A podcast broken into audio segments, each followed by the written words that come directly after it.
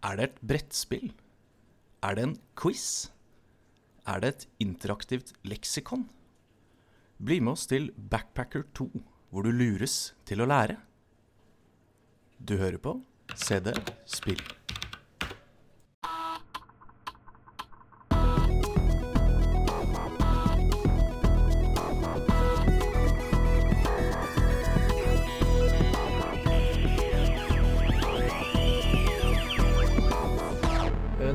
Gang er det en glede å ønske velkommen til eh, en podkast der gamle menn snakker om gamle spill på gamle datamaskiner. Jeg heter Sigve og er en eh, av verdens mest ubrukelige pro gamers. Men jeg har et veldig stort hjerte for spillene jeg vokste opp med.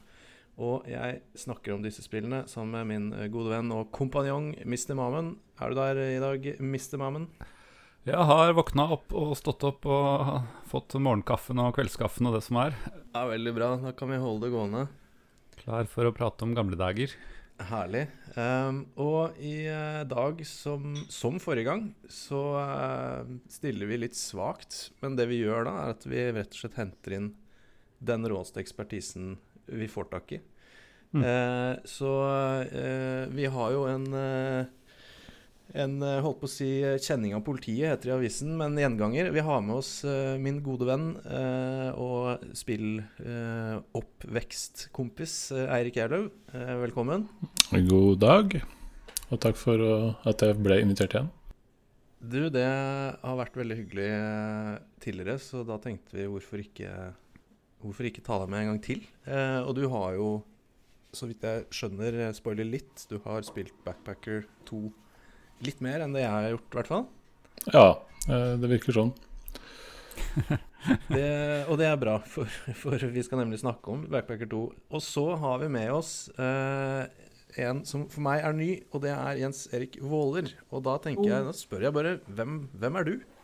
Ja, hvem er jeg? Det er veldig mm, Nå, nå er, skal vi bli en eksistensialistisk her. Nei da. Vi går rett på dypet.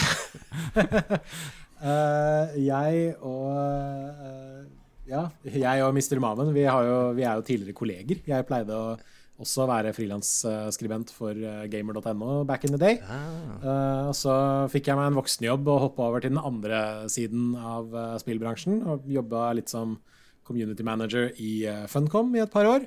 Nå for tiden bor jeg i Cambridge i Storbritannia og jobber som community manager for Frontier Developments. Og jobber da primært på Jurassic World Evolution 2, som vi lanserte Ah. i november i fjor. Uh, og på litt sånn andre greier som vi utgir uh, nå og da. Og bidra litt grann innimellom til Planet Zoo og Planet Coaster og disse, de, liksom den, den delen av, av det vi lager der borte, da. Det er jo eh, Der nevner du jo flere spill etter hverandre som jeg faktisk har spilt en del og har ganske varme okay. følelser rundt. Så det, jo, det var jo veldig gøy. Det er jo litt Vi har en kjendis i studio her, Mr. Mammen. Rett og slett en Frontier-kjendis. Ja. Kan man, kan man ikke si Sigve, at eh, Jurassic eh, Park-verdenen har vært på en måte en, eh, en av de tre søylene i de, deres oppvekst? Mener- Ja, definitivt. Eh, jeg har jo eh, sterke eh, både gode og vonde minner fra barndommen vedrørende Jurassic Park. De vonde minnene var fordi jeg var for liten. Jeg fikk ikke lov å se filmen og gå på kino. Men det fikk jeg fort retta opp. Og ellers så er det bare gode minner. Så jeg har jo vokst opp i det universet og eh, likte veldig, veldig godt Planet Coaster eh, da det kom. Og jeg syns det var utrolig kult med den mergen de da gjorde med Plant Costra, Jurassic Park. Så nå ble jeg gira. Nå, vi, vi skal ikke snakke om Jurassic Park i dag, men jeg, jeg kunne snakka en del om Jurassic Park. Det, det kunne jeg også. Og jeg, jeg er såpass heldig at jeg får lov til å snakke om det omtrent hver uke uh, Ja. når jeg streamer i forbindelse med jobb. Og eh, ja, det er, eh, det er ganske utrolig. For litt kort, eh, for de som ikke forstår Jeg er en av de som ikke forstår. Hva er en community manager, eh, Jens Erik? Jeg kan si det på to forskjellige måter. Jeg kan si det på den veldig direkte måten, og så kan jeg si det på litt fancy måten. Og jeg liker å ta den litt fancy måten først. Og den fancy måten er at en community manager fasiliterer kommunikasjon mellom de som utvikler og de som spiller. I praksis så, så betyr det at jeg leser alt det folk skriver om oss på internett. Riktig. Uh, I tillegg da til å Men gjør du noe Sorry? med det? Ja, vi, og, og gir dette videre da til, til utviklerne. Ja, for ofte så virker det Eh. som det ikke egentlig tar, tar til seg så mye av det som folk skriver. Kan, jeg kan garantere at alt blir lest og alt blir tatt til seg, men det er jo ofte litt sånn Altså, OK, så u, vi skal ikke snakke alt skal ikke, alt, det skal ikke være altfor mye inside baseball her, men uh, de som utvikler, har jo sin visjon. De som spiller, har sin visjon, og så må man jo prøve å samle dette her på et eller annet vis. da. Eh, og Så alt blir lest, og alt blir på en måte tatt til følge, men det er jo ikke alltid at alt blir uh, implementert. fordi du har jo da utviklerne vet jo litt hvordan spillet fungerer, og hva som kan og ikke kan gjøres. Mens uh, spillerne er jo drømmerne. Det er de som liksom sitter med alt det der. og sånn, ja, jeg, vil- skulle ønske jeg hadde dette, skulle ønske jeg hadde dette, skulle ønske jeg hadde dette, og så videre. Så du er, du er rett og slett en slags moderne riksmeklingsmann, du da? Mellom, Ja, han kanskje det. Webster er vel død, men, eh, eller han er i hvert fall ikke det lenger. Men jeg bare, uten at jeg aldri skjønte helt hva han gjorde. Han, men riksmeklingsmann Webster han var jo et fenomen i avisen en gang i året i mange måter. Ja, den, den skal jeg begynne å bruke når folk spør hva jeg driver med. Uh, Nice. det, er, det er litt bedre svar enn å si sånn Nei, jeg jobber litt med sosiale medier og sånt, da. Ja, det, Eh, For det er, det er jo det også. Ja, ja. Ja, nei, så liksom alt vi, alt vi tvitrer og sånt fra, fra liksom jobb, eller ikke alt da, men mye av det som tvitres fra jobbkontoene våre for eksempel, det er det jeg som, som skriver da. Og Kult. eh, streamer litt eh, spillene våre innimellom, og prøver å liksom, ja, være den personen som spillerne kan komme til hvis de har tilbakemeldinger eller problemer, eller ja, hva, hva det nå er da. Kult. Første gang vi har med noen fra ordentlig spillbransjen. Eh, sånn, som faktisk jobber med utvikling av spill, eh, publisering av spill og sånt. Så det er litt kult. Milepæl for uh, podkasten. Det er for øvrig episode hyggelig at det er meg. Ja, Og så er det da tredje gang dere har med meg. Det er også en slags milepæl. Det er jo Ja, må ikke glemmes, det heller. Altså. Det, Kanskje enda viktigere, egentlig. alle, har sine, alle har sine forskjellige styrker og, og ting å bidra med. Og, og, og Sigve, det er 49. gang vi eh, har slått oss sammen for å spille inn en podkast nå, så vi har kommet, begynner å komme ganske langt. det er jo helt To eh, år. vilt. Helt vilt, faktisk. Det er veldig, veldig gøy. Ja, Jeg tenkte å bli enda bedre kjent med, med dere, eh, ikke minst deg, Sigve. Så jeg lurer litt på eh, hva er ditt stolteste spilløyeblikk? Eh, så kanskje vi skal begynne med deg, da, Sigve. Jeg kjenner deg ikke godt nok til å vite hva som er ditt stolteste spilløyeblikk. Altså, det, eh, det er jo eh, litt vanskelig å svare på, fordi jeg er jo eh, jeg, jeg tar jo min stolthet, ironisk nok, i at jeg er jo en veldig dårlig gamer, egentlig. Jeg runder jo ikke spill. Jeg får ikke ting til, eh, ting, til ting. Jeg rage-quitter en hel del. Det har røket noen tastaturer. Eh, men jeg tror eh, sånn, sånn som jeg kommer på, i hvert fall, så er det jo Da må det nesten bli ett spill jeg har runda, da. Det er jo et stolt øyeblikk. Mm. Og eh, det Det er jo uh, Jones in the fast lane.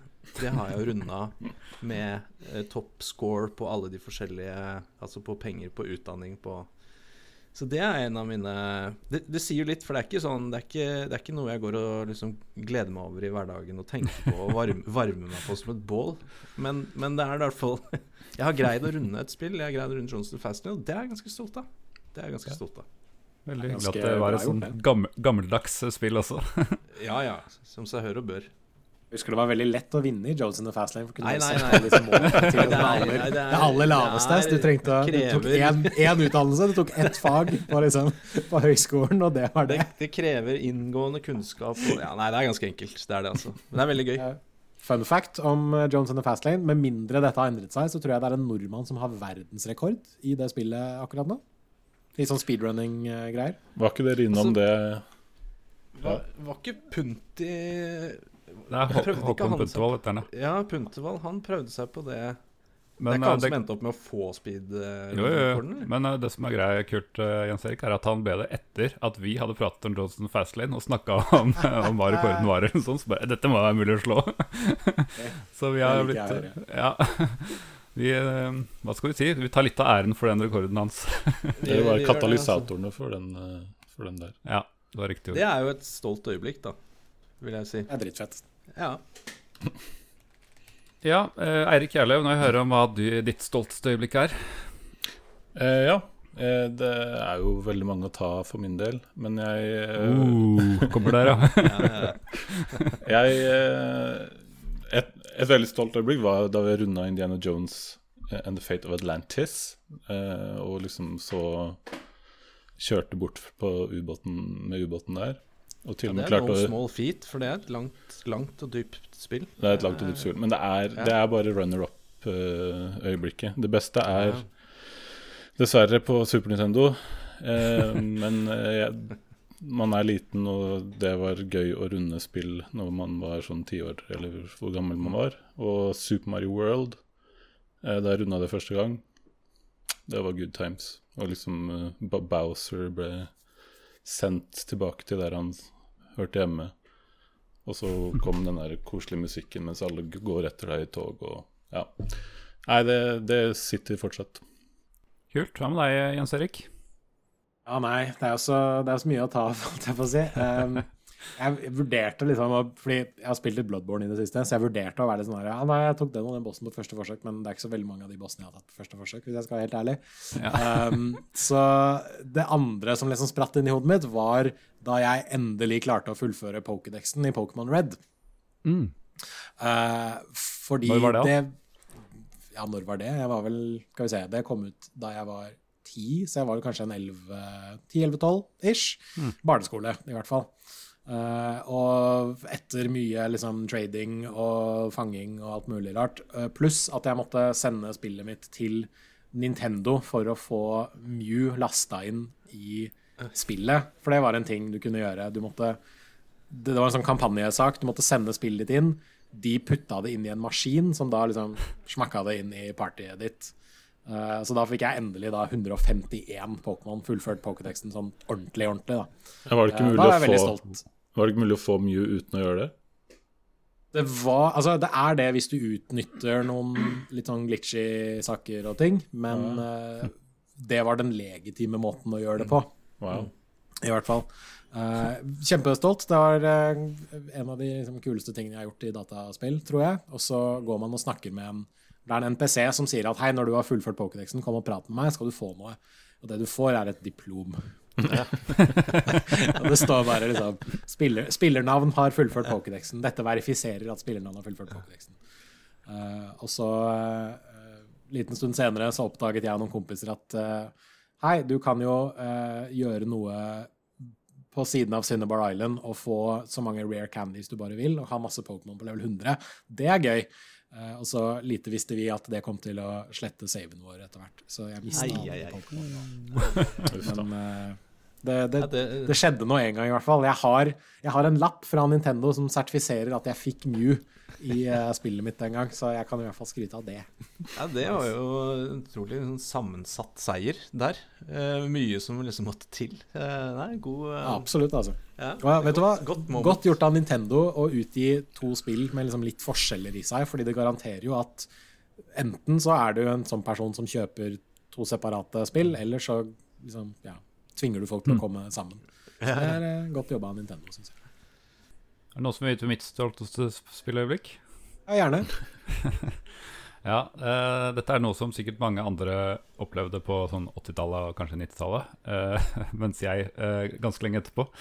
For, eh, for et spill som jeg aldri fikk til på 80- eller 90-tallet, det var Bubble Bubble Ja. Så når jeg endelig fikk til det i var det, 2011, eller hva det var, så, så, så var det utrolig sånn Det, det er mitt stolteste eh, spilløyeblikk, å endelig, endelig runde det. Selv om jeg vet at søsteren min sådde litt tvil i om det stemte at vi runda det eller ikke. For det var visst noen sånn false endings og happy og good endings og alt mulig rart. Men, eh, men jeg velger å tro. Jeg var i hvert fall stolt at jeg trodde jeg hadde oppnådd full, full score der. Så får vi se om, eh, om jeg ikke har det papirsertifikatet til å bevise. Så, så har jeg i hvert fall minne om at jeg nådde level 100.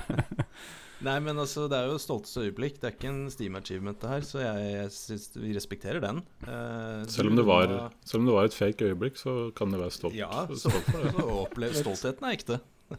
Nettopp, nettopp. Eh, vi skal jo snart hoppe inn i dagens eh, spill. Eh, Jeg lurer på, skulle vi titte om I forrige, forrige episode så hadde vi om Grim Fandango. Jeg har eh, lyst til å bare nevne eh, For det var eh, Vi hadde to gjester, og den ene gjesten, eh, Alexander Espeseth Han var en veldig trivelig fyr, og han har rett og slett vært innom på eh, vår eh, Facebook-side eh, og kommentert på den episoden at han syntes det var en fest å være med. Og så har han jaggu svingt innom Twitteren vår også, CD underscore spill, og erklært for en fest. Og det syns jeg er veldig koselig, for det var veldig hyggelig å ha med Espeseth. Uh, Og så må jeg bare helt på tampen si at vi diskuterte litt om noe sånn widescreen-opplegg eh, som var litt kjedelig. Og jeg fant at det finnes en fan-patch, eller hva jeg skal kalle det, som du finner på grimwidescreen.com, hvor du kan få hvor folk har liksom tegna de sidebarene som mangler da, i 4.3-utgaven. Hvis du skal ha Og det er, altså det er snakk om over 80 scener, tror jeg, så det er ganske mye jobb.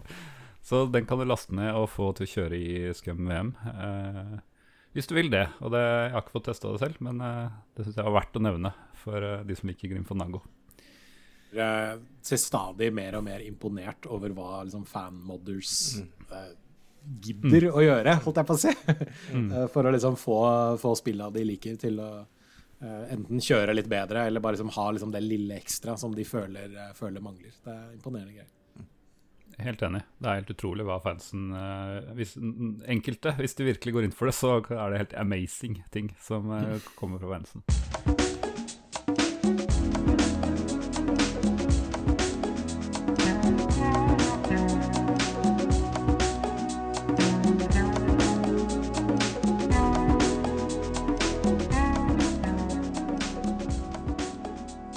Da er det vel på tide å ta for oss dagens spill, eh, eller spillserie om du vil, eh, og det er Backpacker. Første spillet kom i 1995, eh, utvikla av Tati Mixedia, et svensk selskap, så vidt jeg vet, og utgitt av BMG Interactive Entertainment.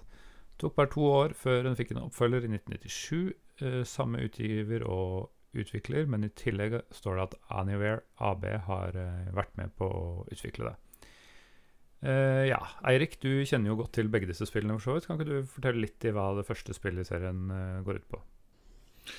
Jo, uh, Backpacker 1 det er da, som navnet antyder, et spill hvor du skal reise rundt i verden.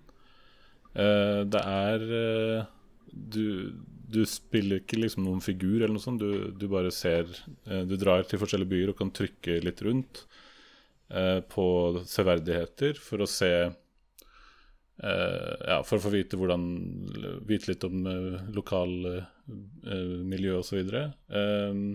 Men for å kunne reise rundt, så er du nødt til å ha penger. Eh, og de pengene de får du ved å eh, ta jobber, eh, som, eh, som du da gjør hver gang du kommer til en ny by, typisk, for å ha nok penger til å reise videre. Og eh, de jobbene de går på en måte ut på at du, du eh, får masse spørsmål, egentlig, som, som eh, er relevante for den jobben du har søkt. F.eks. hvis du er detektiv, så får du masse spørsmål om uh, detektivromaner osv., så sånn som ekte detektiver bør kunne. Eh, høre, høre.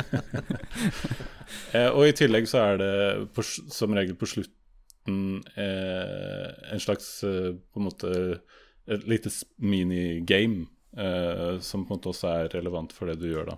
Um, for eksempel, jeg tror hvis du er historiker, så er så er eh, målet å skulle eh, på en måte lade en kanon og så skyte på sånne fort. Eh, litt sånn Worms-stil, på en måte. Ganske kult. Eh, Så veldig mange historikere, men jeg tror ikke det var det de lærte. Nei, altså hva som foregår på HF-fakultetet. Jeg har, en, jeg har en kompis med en mastergrad i historie. Han skrev om andre verdenskrig, så det er litt sånn Det er litt innafor, i hvert fall. Ja. um, og ja, det er egentlig stort sett det. Det er uh, om å gjøre å komme seg rundt jorda. Og hvis du klarer det, så Men jeg vil jo si at uh, altså, målet er Det er ganske lett å komme rundt jorda. Så det blir jo litt som å backpacke. Målet er jo reisen i seg selv, og ikke, og ikke selve målet. Mm. Det høres litt ut som uh, Johnson og Fastlane her, at det er egentlig veldig lett hvis du bare er Ja. Målet er å komme rundt fortest mulig. Ja. Mm. Og hvis du får mot formodning skulle gå tom for penger, så tror jeg du kan Eller det er kanskje Backpacker 2, så vi, vi kan høre litt mer om det, den mekanikken etterpå. Ja, vi, Sigve og jeg må jo bare Eller jeg må i hvert fall tilstå at jeg har ikke spilt uh, verken eneren eller toeren uh, i, på 90-tallet. Uh, av en merkelig grunn. Jeg kjenner igjen den logoen, så jeg må Eller den Hva heter det? For, forsidebildet eh, av, eh, Så jeg har tydeligvis sett det, men jeg kan ikke huske å ha spilt det. Det var et spill som var veldig ofte til salgs i bokhandler, husker jeg. Eh, det var liksom Bokhandler prøver jo alltid å liksom være litt, pop, litt popkulturelt relevante. Så liksom Backpacker føler jeg var liksom den gode liksom mellomtingen av eh, noe du leser og lærer av, og et dataspill. Så jeg husker det sto ofte på, på hyller i bokhandler. Ja. Ved siden av andre sånne læreting da, for Stemmer. småbarn. Det var jo på norsk. Det er jo greit å på påpeke. Ja, det er ikke så mange spill som eh, kommer på norsk, eh, selv ikke i dag, og i hvert fall ikke på 90-tallet, så det var jo kanskje litt stas. Men det er bare tekstbasert, eh, er det ikke det? Det er ikke noe stemmer eller noe sånt? Nei, det er lyd. Eh, Så du hører liksom eh, Du kan høre sånne skrivemaskiner i bakgrunnen og sånn når Ja, du skal søke jobb osv. Men, Men det er ikke noe norsk narration Nei, eller nei, noe sånt? Nei. Det er kun, kun tekst. Mm. Og litt bilder og litt sånn grafikk og sånn, selvfølgelig. Du Ja. ser Når du flyr fra sted til sted, så har du den der klassiske liksom, kartoversikten og et fly som drar fra et sted til et annet, og så ser du liksom en sånn linje og sånn. da. Men eh, ikke, ikke det mest hva skal jeg si, visuelt moderne spillet, kanskje, fordi det er mye stillbilder. Og liksom Her er et bilde av en avis, og den avisen ser dønn lik ut på alle europeiske reisemål du drar til. Og hvis du drar til USA, så får du en litt annen avis hvor du også kan søke jobb. yes. Ja, riktig. Men uh, dere snakka jo om det, men lærerikt er vel kanskje et poeng eh, her uh, som passer til bokhandler. For jeg har inntrykk av at uh, du, kan, du kan lære en god del om, om verden hvis du, hvis du faktisk gidder å lese teksten som kommer. Og du må kanskje det for å, for å lykkes, siden du får litt quiz-spørsmål og sånn. Hvis ikke Det, du det gikk Ja, jeg go. Jeg skulle til å si at det falt jo litt under den samme paraplyen som liksom lignende sånn geografispill. Kanskje også litt sånn som Where in the World is Carmen San Diego, på en måte, hvor du du fikk litt informasjon om stedet du dro til, og så eh, eller når du hadde liksom reist dit. Eh, og ikke minst av disse jobbene du gjorde. Skulle også prøve å liksom, lære deg et eller annet. da. Eh, og så måtte du da få en prøve på slutten av liksom, arbeidstiden din, og da denne praktiske, praktiske prøven. Så det var, det var litt av det, i hvert fall. Husket jeg nødvendigvis Husker jeg mye av det i ettertid? Nei, det gjør jeg absolutt ikke. Men klarte jeg å memorisere nok til at jeg fikk alt riktig da jeg jobbet som fotograf i USA den ene gangen? Ja, absolutt. Ja, Og jeg vil påpeke at jeg tror jeg fortsatt husker Avogadros tall eh, pga. fysikerjobben man kunne få da i- som, eh, på, i backpacker. Da var det masse fysikkspørsmål. Og så måtte man trykke på masse forskjellige sånne konstanter. Og, og de husker jeg fortsatt. Så det, er, det har virkelig på en måte Noen av de tinga der har, eh, har satt seg. Så det er et spill som lurer deg til å lære. Ja. Lurer barn til å lære. Eh, Lite grann, ja. Det er jo litt sånn ja, altså, er, de, er, de, er de veldig moderne framme i tiden her i 1995 med eneren og 97 med toeren? At de rett og slett gjør de gamifi gamification av eh, kjedelige ting? Det er jo på mange måter det, ja. Mm. Eh, om det nødvendigvis har liksom Altså begrepet gamification, jeg vet ikke om det eksisterte på det tidspunktet, eller om det liksom de tenkte at sånn Ja, nei, nå skal vi lure småbarna til å, til å lære seg geografi. Jeg vet ikke, men, tror ikke nødvendigvis at det var uh, målet bak dette her. Men Man var det ikke er så, det som var ikke så kynisk på 90-tallet. vet var det mer- Nei, det er sant det. Nei, altså Litt av grunnen til at jeg spør, er fordi når jeg titter på det spillet her nå i, i voksen alder, så, så undrer jeg meg hvorfor, hvorfor vi spilte det som barn. For det er jo det er jo det. Det er jo et slags quiz-spill og lærespill. Eh, var de heldige? Det var et marked, det var, det var ikke så mye spill. Jeg kan si at uh, det du sa nå, er jo, var jo på en måte grunn nok i seg selv for meg til å spille. Jeg syns det var kjempegøy. Og det der, den der følelsen med når du får riktig svar, og så bare mm. hører du pengene renner inn på kontoen, på en måte. Altså, det var veldig sånn Ja, var, var mange elementer av gamif gamification som eh, de hadde implementert. Da. Det derre uh, feedbacken som ga deg godfølelsen, osv. ikke- Det var absolutt det, ja. Også, men også litt det at man det, er, det var en måte altså Når jeg ser tilbake på det, da, så rasjonaliserer jeg det kanskje på denne måten, men det var jo litt en måte å oppleve verden på uten at man reiste noe sted.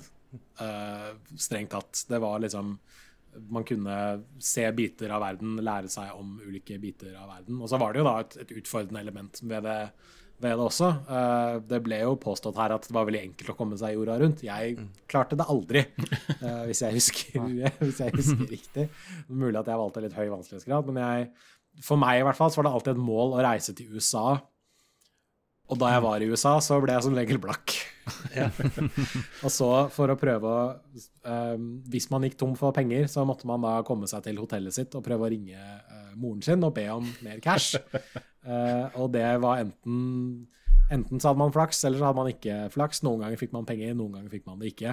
Ja. Og hvis du ikke fikk eh, penger, så var det bare å dra til ambassaden og prøve å komme deg hjem igjen. Da var, det, da var, liksom, da var reisen din ferdig. Da hadde du ikke noe mer å gjøre. Men da tror jeg vi er over i toeren. eh, For jeg, kan, jeg veit ikke helt om man Det tror jeg nok, eh, det tror jeg nok vi er, ja. Jeg, Ja. Men det er i hvert fall, jeg har et veldig sånn jeg veldig veldig sånn sterkt minne av liksom den sånn telefonkioskbildet, på en måte. Og det var litt, litt avhengig av hvilket land du var i. Liksom, dro du til England, så var det de klassiske røde. Hvis du dro til USA, så var det litt mer Ja. sånn uh, litt mer sånn amerikansk uh, Supermann uh, phone booth-sak. Uh, men ja, det at du måtte ringe mora di og si liksom Hei, mamma, jeg trenger penger. Jeg har ikke noe mer cash igjen. Eh, det var liksom Det var litt sånn ned, nedrig og nedverdigende, men det var også det gøy skikkelig... at det var en del av mekanismene. Ja, ja, det er jo skikkelig immersion her, da. Det er jo virkelig eh, Så det er garantert det jeg ville ha gjort. Hadde jeg gått tom for penger i utlandet. ja. Men hva, hva er eh, Det er kanskje vanskelig å skille de litt fra hverandre siden de er eh, gamle, men, men hva er forskjellene på eneren og toeren? Eh, så det går an å trekke fram noen, Um, noen annerledes ting med toeren? Ja, eh, jeg tror mye av grafikken og sånn, er- eller grafikkstilen er ganske Altså, det er mye av det Både kanskje særlig toeren som minner meg mye om tidlige nettsider med sånne der snurrende gifs og sånne ting. Eh, altså litt sånn der ja. jalla-grafikk. Og vinduer som på en måte De hadde skanna Skanna sikkert noen bilder som de brukte og så videre av forskjellige ting, da. Um, men, men en av forskjellene i, mellom eneren og toeren var uh, at i um, toeren så kunne du kjøpe med su- suvenirer. Eh, det var sånn, Du kunne gå inn i en butikk og så kunne du kjøpe med deg ja, noen tilfeldige varer fra, en, fra den suvenirbutikken, og så kunne du selge den tingen dyrere da, i en annen by hvis du var litt savvy. Eh, Ja, for, for det lurte jeg på når jeg så de der suvenirene. Mm. Eh, er det det som er hensikten med de? De virka så liksom arbitrære, at du bare kjøper suvenirer. Jeg kan ikke huske at de hadde noen annen liksom? funksjon enn det. Jeg tror det hele funksjonen deres var å ta det med til et annet sted, Mm. og så selge det for, mm. for profitt, rett og Ja. Det ser så shady ut, den der dealeren, for den er bare sånn silhuett. Jeg, jeg, skulle til, jeg skulle til å si det, liksom, for å spare på, spare på sånn rendering, sikkert renderingkostnader eller et eller annet sånt, og kanskje spare lisenskostnader for å hyre inn en skuespiller, så er det bare en silhuett av en person som står bak en disk, som er disse forhandlerne. Og så ser du ikke itemene før du liksom drar dem fram på disken. Så du må liksom, Det er et veldig merkelig, Ja. merkelig konsept. Eh, men en annen, og en annen ting også var, eh, som er forskjellig, er vel at i toeren så har du litt sånn random events. Altså når, Idet du drev og skulle utforske byen, så kunne det dukke opp Uh, Plutselig så var det liksom en gammel mann som trengte hjelp. Det var også lignende sånn silhuettbasert grafikk, da, men, uh, men hvor du måtte ta et valg, da. Da kanskje du ble rana, eller eh, du fikk Ja. litt sånn byerfaring. Hvor også du kunne få Ja, kanskje du kunne få liksom um, Få suvenirer, eller liksom få gjenstander som du kunne selge videre et annet Ja. sted, eksempel. Og jeg er ikke helt sikker på et. Jeg er ikke helt sikker på om det var sånn at noen av de suvenirene du hadde, kunne bli brukt i de situasjonene, men det tviler jeg på. Jeg tror ikke det var så avansert. Skal jeg ikke. Nei. Ja, for jeg, jeg, så, jeg så jo uh, på en Let's Play, som jeg pleier å gjøre i, når jeg skal gjøre litt research, så så jeg jo han som spilte. Han ble jo plutselig kontaktet av en gammel dame Mm. som lurte på om hun ville være med til uh, byens spillehall. Ja, ja, ja. Sånn ja. dramatisk musikk, eller sånn skummel musikk, liksom. Og så trykka han som spiller, trykka ja. Og da var det plutselig en enarmet banditt hvor han la på. Flyttet en penge med muspekeren og slapp den på og dro i armen. Han vant jo søren meg et par hundre kroner òg. Det var et unikt minigame det er, som bare du fikk Ja. på de eventene der. Stemmer det. Det var eh, det var kult. Men øh, ja, det, i toeren også så kan du velge mellom et lugubert og dårlig hotell eller et luksushotell når du skal sjekke inn i byen. Eh, og de lugubre hotellene der risikerer du, tror jeg, mer å bli rana, eh, f.eks. Også det at hvis du, hvis du bodde på et luksushotell, så hadde du lettere for å få jobb. Det var vel også en ting. At liksom, Hvis du kunne vise til at ja, jeg bor på dette bra stedet i stedet for et eller annet shady hostell et eller annet sted, så var det lettere Det var lettere for deg å få jobber hvor du tjente mer, i hvert fall. Som var litt mer sånn high class. Uh, Ja, for i toeren så opererte jobbene med sånn lønnsklasser. Eh, yes, stemmer. for å få de høyeste lønnklassene så måtte du enten ha, være sykt kjent i byen, eh, eller så måtte du ha allerede erfaring med fra Altså du måtte ha klart å få sertifikater fra tidligere jobber da, i samme kategori. Så det var liksom fem kategorier. liksom Natur og sport og litt sånne ting. Stemmer. Det var noe sånn skill Det var nesten Altså, det er ikke et skill-tre akkurat, da, men du hadde sånn skill-poeng Ja. du, hvis du fikk sertifikater og sånt. Ja, stemmer. Ja, ja, Ja, ja. for, for hvordan, hvordan får man en jobb? Altså, hvordan får man den, og hvordan Eller hvordan finner man jobben, og hvordan kvalifiserer man seg så man får jobben? Du kjøper en avis, eh, rett og slett. Og det, og det som er gøy her, er at alt er jo i lokal eh, valuta. Så hver gang du reiser til et nytt land, så veksles pengene dine. Så du fikk jo da se at du hadde veldig mye av én ting, og så plutselig veldig lite av en annen valuta pga. kurser og alt mulig sånne ting.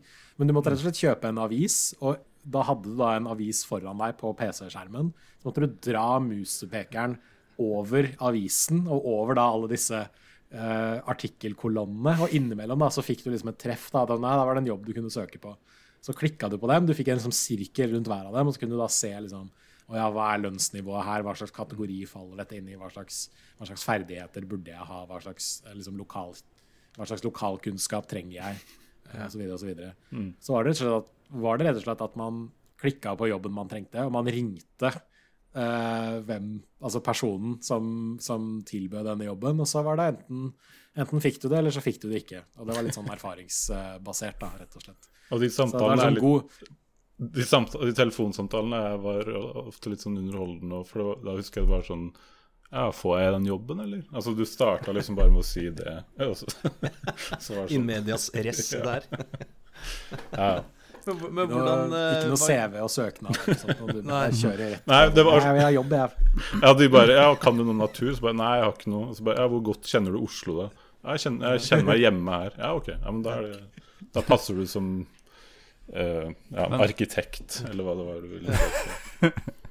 Men Går det an å ikke få jobben, eller, eller er det sånn at du Ja, ja. bare får dårlig Ja. lo- Ja, okay. Det, det går absolutt an, og da må du prøve deg på et eller annet annet. Og hvis du Ja. ikke, ikke får noe jobber, så tror jeg enten du må reise videre, eller prøve å uh, sove og kjøpe og få en ny avis neste dag, eller noe sånt. Hvis jeg ikke husker, Ja. husker Men hvordan øker du liksom å si, Hvordan tar du utdanning? Altså Hvordan øker du kompetansen din sånn at du kan kvalifisere til en jobb? Hva Det er at du, du, du begynner på liksom lave jobber, og så når du da får sertifisering der, Ja. så kan du da liksom stige i, i gradene, da, på å si. Så hvis du da har hatt La oss si du har sertifikat fra to jobber i sånn naturkategorien og én i hva skal jeg si, drama- eller liksom kunstkategorien, så har du da liksom muligheter videre som du, når du da reiser til, til liksom andre, nyere land. Da. Så det er et slags uh, XP-system der, rett og slett. Ja. På en måte, ja. Du Så det var liksom viktig å, viktig å gjøre det bra innenfor hver, hver jobb man Ja. gjør. Ja, for det var jo ikke garantert at du fikk sertifikat selv om du fikk jobben. Altså Hvis du svarte feil på nok spørsmål, så Så fikk du sånn animasjon på slutten hvor det var liksom en hånd som bare ah, ah, jeg, vil ikke hilse, jeg vil ikke ta deg i hånda når du er ferdig her engang. For alle jobbene var tydeligvis midlertidige. Eh, Ja, de Ja, varte så alt, alt var sånn strø, strøjobber. Ja. Og, og jobb, altså hele dette spillet er jo en stor quiz. Jeg skjønner jo at også jobben er en quiz. Ja, det var det jobben var. Det er det. Riktig. Hver dag så kom du til jobben og skulle svare på ett spørsmål. Og da tenkte jeg sånn åh, hvis arbeidslivet er på denne måten her, så gleder jeg meg til å bli voksen. Ja, liksom, først, var det, først var det quiz, og så var det da gjerne et minispill. Så en jeg husker veldig godt, var um, hvis, du søkte jobb som, hvis du fikk jobb som fotograf, så var det Ja. sånn 15 spørsmål om fotografi, om kameraer og eh, linser og film og alt mulig rart. Og så kom du da til dette minispillet. Da hadde du da uh, en, du hadde en kameralinse foran deg og ulike innstillinger. Og så kunne du da endre på eh, blenderåpning, lukkertid, uh, linse, liksom, uh, fokusdybde, alt mulig sånne ting. Og prøve å da fikse på et bilde som du hadde foran deg. da Prøve å gjøre det så godt som overhodet mulig. Og avhengig av hvor liksom, skarpt og hvor pent det bildet ble, så fikk du da enten mye eller mindre penger. Mm. Uh, og da, til slutt så kunne du da blitt sertifisert som fotograf da gjennom denne, denne strø, strø, nok, nok en gang full immersion der, altså. Men Altså- jeg lurer på da, hvis du får, en, eh, hvis du får den sertifiseringa, får du vanskeligere spørsmål når du tar samme kategori igjen, eller er det bare mer lønn? Er det liksom samme poolen av Jeg tror det er den samme jeg poolen. Jeg tror det er den samme. tror det er samme, ja. Og de, de er uavhengig av hvor du er. Altså Hvis du tar en jobb i natur i Oslo, eller om du gjør det i Zimbabwe, så er det liksom samme spørsmål du kan få. Ja, men tror det, men jeg tror det var også litt avhengig av hva slags jobb det var. Ja, hva som er Eh, tilgjengelig, liksom. Ja, altså liksom en, en fotograf vil få spørsmål om fotografi, mens hvis du er eh, liksom jobber som frukt i frukthandelen på en måte, så er det jo Da får du jo frukt- og grøntspørsmål.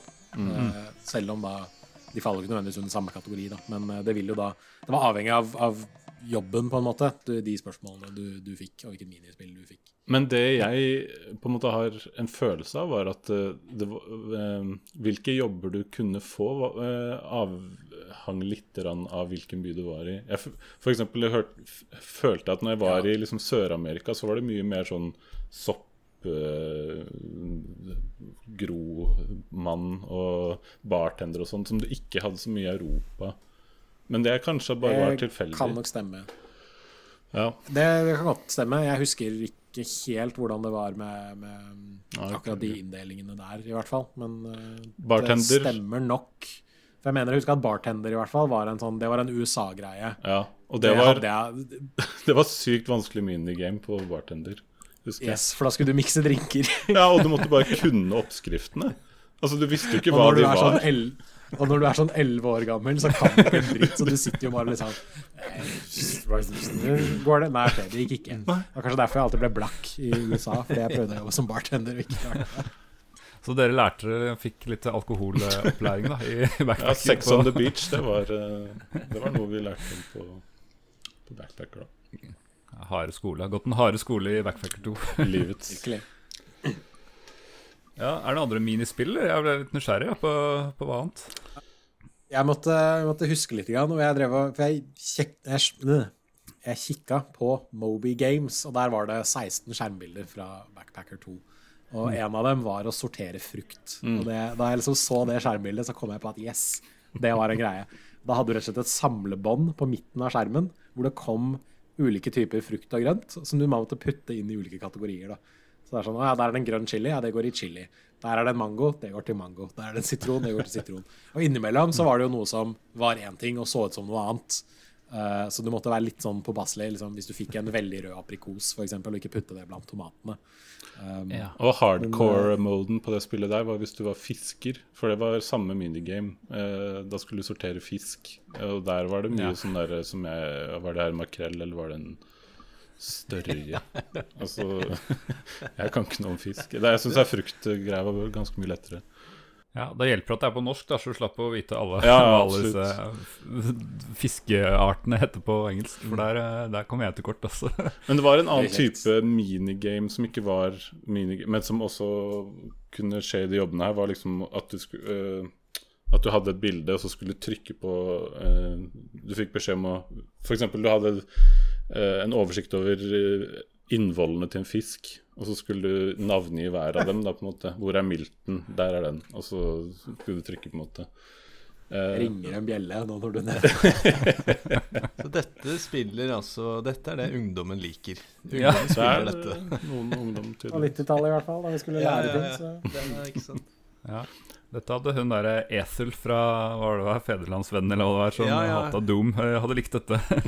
Hun hadde, dette tror jeg hun kunne likt. Skulle sikkert funnet noe med dette også. Uh, Ja da, du burde få firkantede øyne og se på skjermen eller noe. Men uh, det er nok nærmere hennes hjerte enn Doom, ja.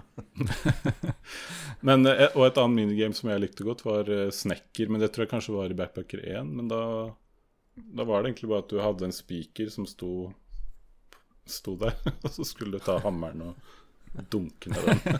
og hvis du bomma litt, så ble spikeren bøyd, og så måtte du trekke den opp igjen, og så måtte du prøve på nytt. Ja.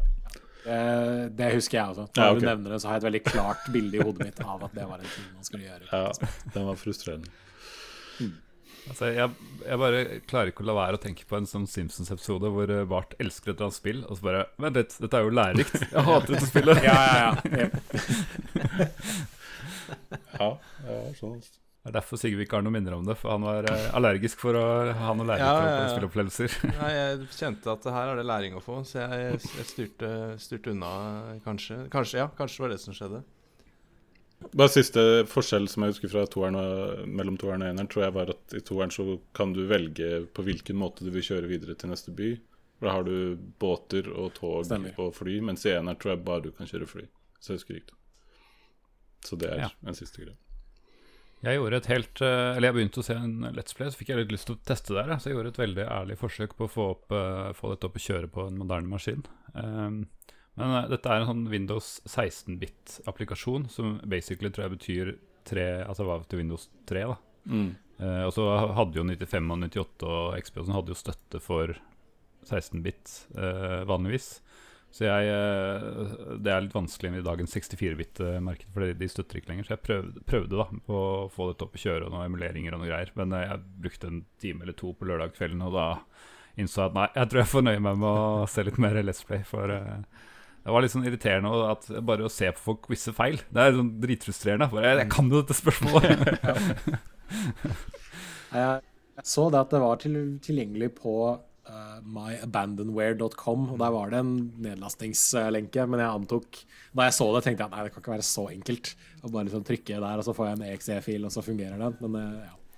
Det en sånn CD-rom ISO, så den er jo riktig, men du får ikke kjørt den på en 64-bit eh, Windows-maskin. Ikke Ja. Og tydeligvis ikke på en XP32 heller, for det var for mye Eller jeg har lest at noen har fått det til, da, men jeg fikk det ikke til. Det er noen sånn quicktime-begrensninger eller et eller annet sånne rare teknologier fra 90-tallet. Ja, det husker jeg. Fordi eh, eh, jeg husker veldig veldig godt da jeg skulle installere det på PC-en min hjemme, så måtte man også laste ned og installere QuickTime.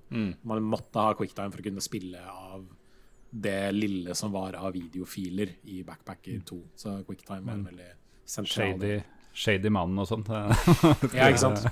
Ja. Shady, Shady Man krever uh, QuickTime. Ja. Eh, så det er eh, jo da.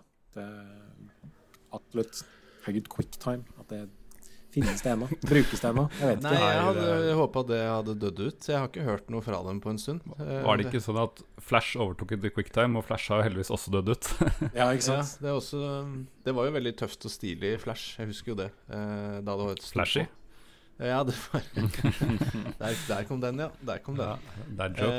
Eh, yes. Uh, men uh, det, ja, i hvert fall dere som kjenner bak, jeg si baksiden av ting som programmeres, er vel sikkert happy med at de droppa, droppa Flash og gjorde det enklere. Jeg kan melde at Apple sluttet å støtte Windows-versjonen av QuickTime i 2016. Å ja. Og de Ja. sluttet å støtte QuickTime 7 på Mac OS i 2018.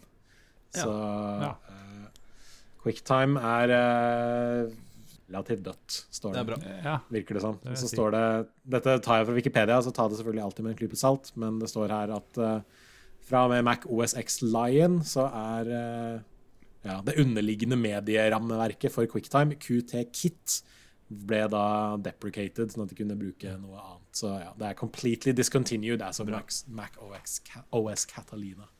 Så QuickTime har eh, dødd. Godt å høre. Eh, jeg har lyst til å snakke litt om musikken. Jeg. For uh, man blir møtt med ganske stilig intromusikk, i hvert fall i Backpacker 2. Da. Nå er vi jo for øvrig stort sett på Backpacker 2 her. Ja, hva, hva er deres minner om den?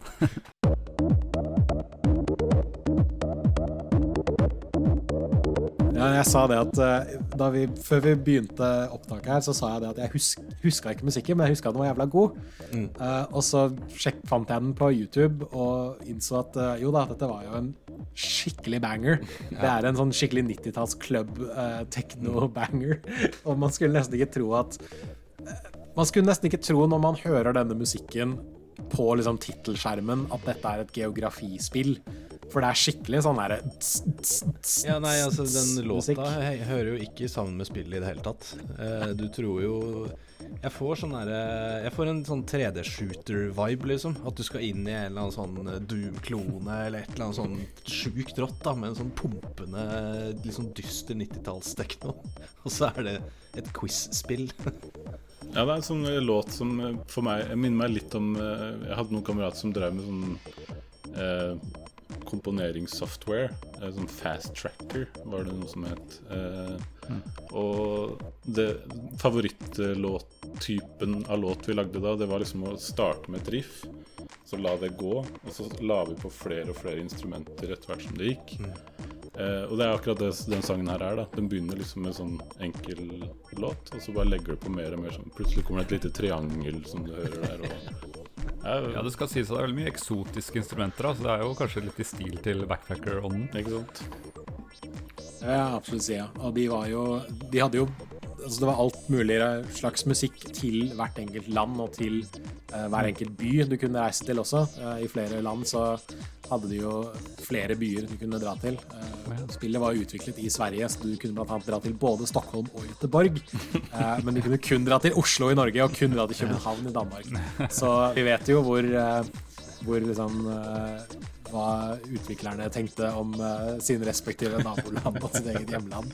Uh, i hvert fall. Men alt hadde, uh, alt hadde unik musikk, og som ofte, eller i hvert fall i noen tilfeller, hørte liksom til si, den kulturelle ånden da, til, som man kanskje forventer til, til dette landet. Eh, I hvert fall på den YouTube-lenka jeg fant, så var det første halvdel av lydsporet. Det var sånn tre kvarter langt alt sammen. Og da var det jo da litt sånn spansklydende saker til, eh, til eh, Spania, og litt sånn asiatisk, eh, japansk eh, klang på, på Tokyo, blant annet. Eh, Oslo hadde bare noe sånn rart sånn La oss lage litt urban musikklyd. Og ga ikke mening i det hele tatt. Men de kan ikke alle være innertiere. Nei, den- egentlig, Internasjonalt kulturelle signifikante hovedstaden Oslo. Det er rart Ja, at ikke ikke de hadde noe Altså, Få litt hardingfele, i det minste. Jeg vet ikke, jeg, bare sånn eller Gjør, noe, ja, gjør det enkelt. Altså, det hadde vært amerikanere som hadde lagd det, men det er svensker. Du burde få noe spillere om i Norge, da. Det burde, det burde vært mulig. De burde ha visst litt bedre. Det er jo et godt og kanskje litt ubehagelig spørsmål. Hva er lyden av Oslo, egentlig? Eh, Ja. Jeg er usikker på om det, det er noen gode, gode svar på, egentlig. Ja, er det jo ikke P3 eller P4 som i hvert fall har Ja, lyden av Norge. Det, Lyden av, Ja, lyden av ja. Norge. Ja, det. ja, ja. Det, det er sant. Liksom bare få, få Lillebjørn Nilsen til å sitte og klimpe litt på gitar, liksom. Der har du Oslo-sounden, syns jeg. Ja, det er sant. Eh, men eh, altså, apropos sånn eh, voice acting og sånt, eh, eller lyd, da, de, ha, de, de hadde jo ikke det, men eh, jeg, min, jeg husker nå at når, vi, når du f.eks. ringer på telefonen, eller når du skal søke om jobb, så hører du sånn Kanskje ikke akkurat sånn Sims-stemmer, men litt sånn derre Ja. Ja, det, det husker jeg det var. Så det er eh, Noe voice acting er det, selv om ikke du hører hva de sier.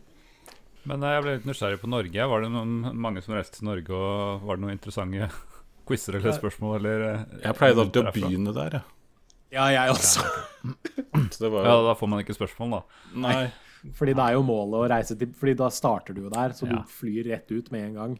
Og målet er jo å komme tilbake Mm. på et eller annet tidspunkt. Eh, så nei det, Lur måte. Ingen blir fornærma, for ingen får, får med seg sitt eget eh, landsspørsmål. Ikke sant, ja. Ja, for, for hvordan eh, hva, hva er endstate? Hvordan vinner man spillet? Reise rundt jordkloden og lande i samme by som du starta. Ok, og det kan gjøres eh, innfløkt og masse reising her og der, eller du kan kjøre litt sånn beeline, bare hurtigst mulig. Ja. Og det er det jeg mente med at eh, Rundt på en måte så er det lett, for du kan liksom ta en ganske direkte rute. Selvfø- Ja. Men selvfølgelig må du jo stoppe og tjene penger der også. Ja. Men, eh, men jeg tror eneste kravet er at du bare må være rundt. Ja, jeg tror også Man kan, hvis man vil, så tror jeg man kan liksom, liksom Norge, Sverige, Sverige, Danmark, Tyskland, og så liksom opp igjen Ja. til Norge. Men da har man jo ikke reist i jorda rundt, så da får man en slags, en slags liksom game over-skjerm. Ja. De, De sier ikke nødvendigvis at du feilet, men det er sånn Du reiste ikke jorda rundt. Du kom deg hjem, Nei. men du reiste Ja. ikke jorda rundt. Så dette var en sånn halvseier, på en måte. ja, for kan man tape? Kan man dø? Kan man mislykkes? Altså Ja. Kan man. Hvis man går eh, tom for penger og ikke klarer å overbevise mora si om å sende, sende mer, da, da sier de bare ah, 'sorry, du dro til ambassaden, og ambassaden sendte deg hjem', og da, nå er du hjemme. Du klarte ikke å reise jorda rundt. Nei, riktig. Så det er en game over eh, der, ja. Til slutt. Ja. Riktig. Jeg så det var to vanskelighetsgrader også, i hvert fall i toeren der, med jeg ikke, turist og globetrotter eller noe sånt. Ja, det må jeg innrømme at det husker ikke jeg. Hva var det du pleide å spille der, eh, egentlig? Tror jeg stort sett valgte turist. Ja. For jeg tror det var det enkleste. Eh, Jeg tror det bestemte litt hvor mye penger du hadde, og kanskje vanskelighetsgrad på disse quiz-spørsmålene du fikk også. Okay. Fordi det skulle jo da være lettere å komme seg fra sted til sted og komme seg, komme seg jorda rundt. ja. Om det hjalp meg så veldig mye, det veit jeg ikke, men jeg var jo sånn Jeg var ti år gammel, liksom. Jeg syns jeg leste noe om at det var flere sånne win conditions, men jeg vet ikke om det var sånn mer menta mentalt, eller om det var eh, noe man, som sto på skjermen, men raskest var en, en mulighet, og vet ikke, mest penger og vet ikke, eh, flest sertifiseringer. Altså Det var sikkert noen forskjellige muligheter, da, men det kan hende at det var mer sånn personlig bragder enn en noe som ble lagra i spillet. ja. Eh, Kanskje det. Det husker jeg ikke spesifikt. Nei, Men det er kanskje ikke Ja, det er kanskje ikke som er inne på det morsomme er kanskje ikke å være få en high score. Det morsomme er kanskje å oppleve spillet litt og oppleve reisene litt. Ja, altså Du sier at du runda det ikke så ofte, og jeg gjorde jo ikke det, jeg heller, faktisk. Eh, når jeg tenkte meg om det, fordi, Men det var liksom mer fordi etter hvert så Eller jeg, jeg var så lenge i hver by, eller liksom Det tok så lang tid å reise videre, så jeg ble, rakk aldri å liksom bli ferdig med et game før jeg gikk lei, tror jeg. Er det noen som eh, har noe som helst peil på bakgrunnen for uh, spillutviklinga der? Om liksom selve Hvorfor svenskene bestemte seg for å lage det her? Jeg er dårlig med informasjon om det hos meg, i hvert fall. Um, Ja, nei, jeg veit ikke. Dessverre. Det er litt sånn Altså, skal man prøve å finne informasjon om obskure spill, så er det vanskelig i seg selv. Men Ja. internett har jo kanskje litt sånn Deler av internett i hvert fall har en ganske vestlig og ikke minst amerikansk bias. Så det å prøve å finne informasjon om noe obskurt og rart eh, svensk dataspill er jo liksom enda verre. Men Ja. eh, nå var jeg så smart at jeg gikk inn på svensk Wikipedia istedenfor engelsk Wikipedia, og her, Nice. her var det informasjon, skjønner du. Der, du og lærte jeg svensk, du. Eh, ja, jeg er da norsk, dette går fint. Ja. Um, ifølge svensk Wikipedia i hvert fall, så var inspirasjonen til Backpacker det var Trivial Pursuit. Ja. Ifølge, ifølge serieskaper Jens Thorsen. Navnebror der, altså. Uh, eh, ifølge et uh, intervju med Dagens Nyheter fra 1996, uh, som jeg fant uh, lenke til på, på Wikipedia. Eh, ja, så det var eh, Det var Trivial Pursuit. Det var liksom, de skulle lage et quiz-spill. Det var det det, det var. Det det var. Trivial Pursuit er jo relativt eh, Jeg vet ikke hvordan det er i hele verden, men i hvert fall i Skandinavia har inntrykk av at det står ganske høyt i, i kurs på alle diverse hytte, Ja, jeg skulle hyttesamlinger diverse. Jeg skulle akkurat til å si det, at jeg tror det ligger i samtlige hytter over hele Norge. Men det er, ikke, det er aldri den, det er aldri den uh, det er aldri den nyeste versjonen av Trivial Pursuit. Det er alltid sånn Ja, det er Trivial Pursuit. Det er sånn fem år gammelt. Det går sikkert greit. Og så får du det spørsmålet om hvem har, hvem har ikke spilt Batman, og så står det Bad Ben Affleck der. Så kan du svare, svare riktig lenger. Ja, det er sant. Det er alltid noe som har en sånn fra 1997, og så må du prøve å gjette hvem som eh, Så er det noe med Hvor gode mange land det fantes i Europa på den tiden og sånn. ja, Det står faktisk her på den, eh, på den svenske Wikipedia-siden for eh, Backpacker 2, så står det at Backpacker 1 og 2 fungerer kun i Windows 3,1, Windows 95 og Windows 98. Mm. For å spille disse spillene i dag kan man emulere operativsystemet i moderne Windows eller Mac via program som VMware eller VirtualBox. Dette krever at man krever at man har installasjonsskive eller avbildning av Windows 98, som man kan hente fra denne nettsiden, og så er det bare å til, til en nettside hvor man kan finne Windows. Ja, Det er, mye, det er mye emulering av en emulering av en emulering for å Ja. spille et quiz-spill fra 1997. Eh, altså, du, du, du kaller det quiz-spill, Sigve? Det er så mye mer. kaller ja, men, ja, det er sant. Det er jo faktisk eh, Du kan sortere frukt eh, på fisk og og skyte på fort med gammel kanon. Altså. Det er sant. Det er sant. Nei, jeg, jeg forenkler det. Jeg gjør det, altså. Eh, Det er, eh, det er, dette er geografiutgaven av eh, Mario Party, ja. Mm. siden det er masse minispill. Ja, det er sant. Uh, jeg har lyst til å nevne at uh, Fordi jeg ble veldig fascinert av den Wikipedia-siden, så jeg satt og litt grann her. Det, det ble gitt ut et backpacker til Android og iOS i 2016. Åh. Og det fant jeg nå på telefonen min. På, på, på installert, liksom? På Play nei, nei, ikke installert, Nei, men bare på, på PlayStore. Backpacker Ja. Travel, Travel Trivia, utgitt av Kiwi, QIIWI Games, eh, som også er svensk.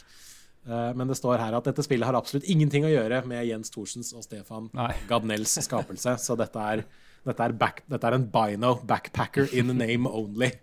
Eh, men eh, det virker som det virker som det er liksom litt av det samme, at man, ja, man reiser fra sted til sted. Man utfører jobber og svarer på quiz-spørsmål. Så en del av meg har litt lyst til å kanskje se om dette her har noe for seg. Gra gratis last ned, så hvem vet. Kanskje du lærer deg noen nye hovedsteder eller et eller annet Geografikunnskapene trenger i hvert fall en eh, liten eh, oppfriskning, for å si det sånn. Ja, ikke sant? Vi kan eh, kanskje ta det først, da. Eh, vi kan jo gå gjennom alle spillene som kom, siden du var innom eh, Android nå. Det Ja. var Backpacker 2 i 97, ja. og så noe som het Backpacker Junior i 1998 og Backpacker 3 i 2003. Mm. Eh, og det er vel alt som jeg Også noen sånne expansions til treeren. Men det er alt jeg har sett at fins. Er det noen som har noe erfaring med, med juniorutgaven eller treeren? Ikke utover at jeg så det.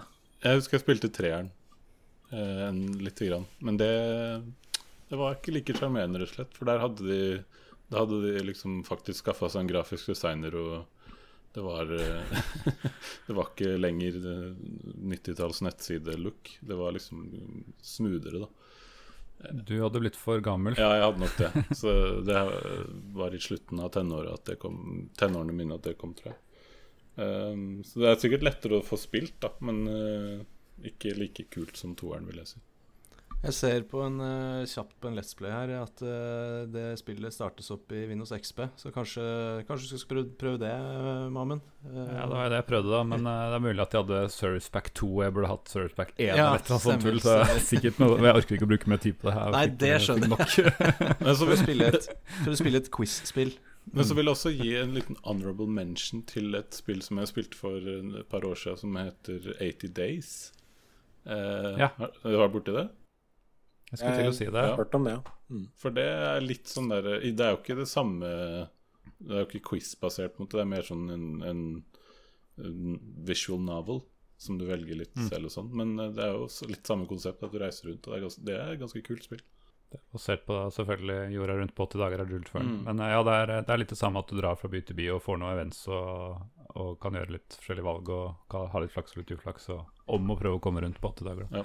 Jeg leste tilfeldigvis den boka tidligere i år, og den ja. holder seg ganske bra, syns jeg. Ja. Ja. Leseanbefaling fra, fra meg, i hvert fall. Ja, jeg stiller meg bak det. Jeg leste den selv for ja, ti år siden. Og jeg syns også det er veldig kult å få et innblikk i hvordan eh, verden så ut for eh, 150 år siden.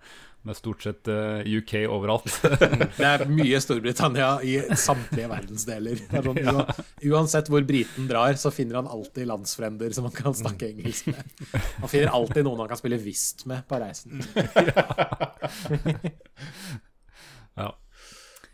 Uh, nå, siden vi først er i gang, da er det noen andre som har noe sånn tilsvarende spill i dag uh, som uh, de vet om, eller litt mer moderne da enn enn dette. 80 Days. var en god tror, kandidat. Jeg tror liksom Jeg tror mye av det Man må liksom gå til brettspill mer enn man må Ja. gå til dataspill. Eh, et spill jeg kom på, er et, er et norsk spill som heter Passport. Ja. Som er ganske interessant. Det er, ikke, man, det, er, altså, det er bare sånn ren geografikunnskap og sånt, så det er liksom dårlig med fotografijobber og den type ting. Men uh, det kan være gøy for folk som kan ting om masse om geografi og sånt, i hvert fall. Um, og uh, ellers så er det jo ja, liksom Trivial Pursuit. Det er liksom quiz, uh, quiz-ekvivalenten. Stemmer. Nei, jeg vet ikke om noe som Ja, 80 Days var det jeg hadde, hadde tankene, også. Så Men det er sant, det var flere sånne spill på nytt av, sånn som Werner San, Carmen San Diego hadde jeg glemt. Eh, Syns også bare honorable mention her. Mario is missing. Kanskje det dårligste Mario-spillet som er lagd. Men det, det var akkurat det samme med at du måtte, måtte svare på quiz-spørsmål for, for å klare brettene. Ja, jeg husker jo jeg spilte masse Where in the World is Carmen San Diego da jeg var, eh, da jeg var yngre. Og det var også sånn Her må du prøve å finne ut noe om land etc., etc. Og det gikk jo høvelig greit etter hvert. Og jeg syns det, det er litt kjedelig at de ikke har liksom videreført disse spillene, føler jeg. For man kan, kunne jo lett kanskje ha prøvd å få til noe lignende i år, men da ser jeg for meg at eh, ikke, Uten å få være altfor mye gammel mann som roper på skyene her, men uh, kanskje barn nå til dags ikke gidder å bry seg om sånt når de har andre ting de kan spille. Du får pitche til sjefen din her, du som er spillbransjen her av oss. Backpacker 4. Ja, nei, Bring it back. Ja. det. Jeg får se hva jeg får til. Lurer på om vi skal hoppe inn på sosiale medier. Jeg la ut en oppdatering før helga om at vi skulle ta for oss eh, Backpacker 2. Um, Det har jeg oppe, vet du. Det har vært uh, litt engasjement uh, rundt Backpacker 2. Uh, og det er litt morsomt, fordi man kan jo, kan jo kanskje kalle det litt for et indiespill. Eh, men folk har spilt det. Inne på vår eh, Facebook-side, eh, CD-spill, så eh, kommenterer Christian Enersen Spilte ikke toeren så mye. Husker dog den nye funksjonen i toeren med å kjøpe lokale ting man kunne selge videre. Så der fikk vi jo bekrefta det suvenirhensikten. Mm. Eh, første backpackerspillet derimot spilte jeg masse, masse.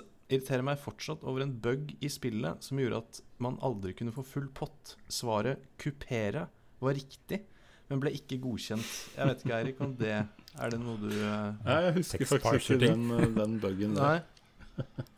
Uh, jeg sier videre gøy å reise verden rundt og lære om land og byer. Sortere frukt eller fisk. Reise videre. Ringe hjem og be om penger. Artig å se lysbildefremvisningen når man har kommet seg rundt hele jorda og kommer hjem igjen. Ja, Eh, ja, stemmer det. Så det er, eh, du får en sånn belønning, da. At du Litt sånn lysbildeshow. Ja, du får liksom du- se de byene du har vært i, eller sånn, tror jeg. Ja. Ja. Uh, og han avslutter med Nå må jeg finne backpacker et sted og spille det igjen. Uh, se om det bare er god nostalgi, eller om det faktisk er artig. Uh, og der kan vel du, Mr. Mamen, si at det er lykke til med å prøve å få spilt det igjen. ja, det var litt overgjort gjort å frata folk den egentlig det forsøket hvis man har lyst, men jeg burde kanskje vært snill Ja. avverga. Men altså det, altså, det er jo Let's Place på YouTube som er fra i fjor, liksom. Så det går jo an. Ja da, Absolutt. an. Sikkert en eller annen gærning som bare har beholdt en Windows 3,1-maskin med CD-rom et eller annet sted. Ja, Altså, det er det beste. Det er jo masse folk som driver og restaurerer eh, Commodore 64-maskiner og får dem til å kjøre, så jeg skal ikke se bort fra at De, de noen, der, noen der ute Ja. sitter på liksom Windows 95 eller 3,1 og bare Nei, nei, dette er babyen min. Denne, denne skal jeg holde i live for evig Ja, og og alltid. ikke noe problem å kjøre Backpacker 2. Altså, hallo, maskinen står jo her. Eh, og videre så sier Trond Åge Gåsland, eller sier og sier, han gjør det veldig enkelt. Han eh, har bare pasta en screenshot av eh, et spill som vi eh, ble gjort kjent med nå, fra Jens Erik, og det er jo Backpacker som ligger på Google Play, eh, så han hinter til det. Og til slutt sier Lars Eivind Bjørtvedt Husker jeg hadde kjøpt Interstate 76 på en bokhandel i Kristiansand, men hadde så mye problemer med det at jeg måtte bytte det ut. Utvalget var ikke stort, så endte det opp med Backpacker. Husker det som et helt ok, og at jeg lærte litt av hvert. Eh, så der er det jo på merket, Jens Erik. Det, han har vært i bokhandelen og handla spill, og da endte han opp med, med Backpacker. Var, var noe rart det der da bokhandlere solgte dataspill en liten stund. Det var litt sånn Jeg føler at OK, liten, liten rant. Prøver å ikke gjøre det altfor for lange. Men altså, OK. Dataspill. Veldig ofte solgt i elektronikkbutikker, så det blir liksom sidestilt med elektronikk. Men jeg føler at det at det blir solgt i bokhandler, var litt sånn Da er det kulturuttrykk, Ja. føler jeg. Sant? Og det at Vet du hva? Det at dataspillene har blitt tatt fra bokhandlene og puttet inn i elektronikkbutikker, er kanskje noe av det verste vi har gjort. La oss, la oss få dataspillene tilbake igjen i uh, bokhandlerbutikker. Enig. Det syns jeg vi skal, Enig. vi skal gjøre. Det er et kulturuttrykk. Jeg er, faktisk, jeg er enig i ranten. Ikke for coming to my TED Talk. Men det heter jo et bibliotek på Steam, så det er i hvert fall uh, Ja. De bruker i hvert fall terminologien. Altså, jeg tror de fleste biblioteker har litt spill nå, Ja, muligens. stemmer det. Så det, det fortsett, fortsett med det. Vi, vi går til Twitter en tur, eh, og der har eh, at Top Eresh. Eh, har ikke han vært gjest hos oss, Torbjørn eh, Mustermaven? Torbjørn Frøyskau, er ikke det selveste Mr. Moonstone? Ja, for det, det, er, det alle disse brukernavnene, så jeg går litt i sur, men det er jo selveste Mr. Moonstone. Han kommenterer ikke direkte på Backpacker 2. Han sier eh, jo mer jeg hører podkast om gamle spill, jo mer innser jeg tilfeldighetene i hvilke spill man fikk seg da man skaffet fra noen i gata. Aldri hørt om dette heller. Eh, og klart, bare tilfeldigheter gjør at dere begge ikke er massive Moonstone-fans. så han bare ranter litt om ja, tilfeldighetene ved spilltilgangen da vi var uh, unge, og får selvfølgelig sneket inn Moonstone der også. Ja. Uh, vi har jo ikke spilt det, vi heller, da, så det er jo faktisk uh, Ja. Vi lider under tilfeldighetene, vi der også. Mm. Bjørnar B. Han sier Jeg og en kompis, 10-12 år, hadde en bok hvor vi skrev ned alle svarene på spørsmål i spillet. Det var takket være Veldig dette spillet Ja, absolutt. Det var takket være dette spillet jeg lærte hva agronom var for noe. Kjempespill. Nei, dette er, dette er gøy. Litt engasjement rundt Backpacker 2, altså. Jeg må bare, altså, få bekrefte det en gang til, at uh, det er veldig mye, mye, jeg ble introdusert for i Backpack, Backpackers-serien som jeg ikke ville kunnet ellers. Altså Humphrey Bogart, for eksempel, tror jeg ikke jeg vis, ville visst hvem var, hvis ikke det var for uh, backpacker. Men da, da, blir jo eh, spørsmålet eh, til, til alle her, eh, kanskje primært gjestene, siden de har spilt spillet eh, Har spillet holdt seg? Kanskje litt vanskelig å svare på det Kanskje litt vanskelig å svare på det uten å ha liksom spilt det eh, i nyere tid, men Tja Kanskje. Ja. Hvis det hadde vært litt lettere å få det opp, hadde du, hadde du hatt lyst til å prøve det igjen? da? Eller ville du anbefale andre å veldig. prøve det? Ja. Jeg hadde hatt veldig lyst til å, jeg hadde lyst til å prøve det, bare sånn for å liksom se Var vi inne på noe, eller var dette bare en sånn Fordi jeg føler at liksom spill på 80- og 90-tallet var veldig sånn La oss bare prøve, og så ser vi hva vi får til. Og liksom dette er på en måte litt sånn der eh, essensielle delen av liksom Nei, vi bare prøver, og så ser vi om det blir suksess av det. Og det ble jo obviously det. De fikk jo tre spill, fire spill ut av det. Og masse expansions i tillegg. Uh, så jeg ville gjerne ha prøvd det igjen, i hvert fall, hvis det hadde vært mulighet. Um, og så har det holdt seg nå, hvem vet. Men jeg tror det hadde vært gøy å liksom prøve igjen, bare sånn for å se, egentlig. Og ikke minst bare sånn se at herregud, hva var det de tenkte på når de gjorde XYZ, mm. liksom. Mm. Mm. Jeg så på en Let's Play på YouTube og fikk så lyst til å spille igjen. Eh, så jeg Jeg tror jeg må si ja, definitivt. Eller, eller det er liksom Hva med spillet er det som ikke skulle ha holdt seg? For det er jo bare et quiz-spill på en måte. Som Kanskje noen av de minigamene er litt sånn dated, men eh, ellers så Jeg hadde kost meg veldig hvis jeg hadde spilt igjen. Mm. Garantert. Jeg eh, fikk jo lyst etter å se Let's Play og spille det, så jeg brukte jo to timer av lørdagskvelden min på å prøve å få det opp. så eh, ja, det er litt som du sier, Eirik, at uh, hvor, hvor gærent kan det være hvis du bare å trykke på noen svar og sånn. Et quiz-spill i dag ville vel vært relativt likt, mm. ser jeg for meg, da. Eh, moderne grafikk kanskje, og kanskje litt mer andre minigames, men eh, sånn sett. Men um, så så jeg litt mer Let's Play, så da følte jeg at jeg fikk bok, da. Så, så jeg vet ikke. okay. Kombinert at jeg ikke orker å prøve, og kombinert med at jeg liksom føler at jeg har fått litt forståelse av hva spillet går på, og gjør at jeg, ja, jeg får si tja, da. Det, sånn som vi pleier å si, når vi ikke klarer å bestemme oss, sier vi tja. ja, jeg tror jeg skal være såpass redelig her og, og stemme, stemme, blankt, rett og slett. Eh, mm. Siden jeg har uh, usikre minner om jeg har spilt det, og ja. Men gøy å høre da at hvis man ser bort fra det tekniske, så er det av de to som har spilt deg mye her, så er det litt sånn Ja, hvorfor ikke? Det er jo litt gøy. Mm. Har du en beige CRT-skjerm som støver ned på loftet, og, til, så, med Copan pluss eller Compac eller et eller annet, så kanskje du kan uh, koble det opp og få den opp og kjøre igjen. Da uh, har vi kommet helt til uh, slutten. Uh, neste gang så er vi 50 episoder ut. Tenk på det. Mm. da feirer vi det med nok et spill vi ikke har så mye kjennskap til, men som, vi, som jeg føler har et litt sånn legendestatus likevel. Så jeg lover at jeg skal få det opp og kjøre. Jeg har ikke testa at det går allerede. og det er System Shock. Mm. Det er jo kanskje best kjent det, Jeg har inntrykk av at det ble mer kjent etter at Bioshock kom, fordi det var inspirasjonen var henta fra System Shock, men eh, det var ikke noe Det var jo Ja, eh, det, vi skal snakke mer om det neste gang. Eh, vi får med oss en celeber gjest også denne gangen, håper jeg. Eh, kjenner dere til System Shock, forresten? Kjenner til det. Jeg har aldri spilt det selv, men jeg kjenner til det som hva skal jeg si, en av de store innenfor den, akkurat den sjangeren. Da. Ja, akkurat samme her. Samme her. Ja, da, men jeg skal eh, lese meg opp på det. Jeg skal spille meg opp og få litt førstehåndserfaring. Det, det er litt lettere enn Backfacker 2. Eh, helt til slutt må jeg bare si tusen takk for eh, at gjestene våre kom. Eh, Eirik Gjerlaug tre ganger, og Jens Erik én En gang. Viktig er hyggelig. Takk for at jeg fikk komme. I like måte. Mm, veldig Takk for hyggelig. det. All right. Da gjenstår bare å si ha det bra. Ha det bra. Det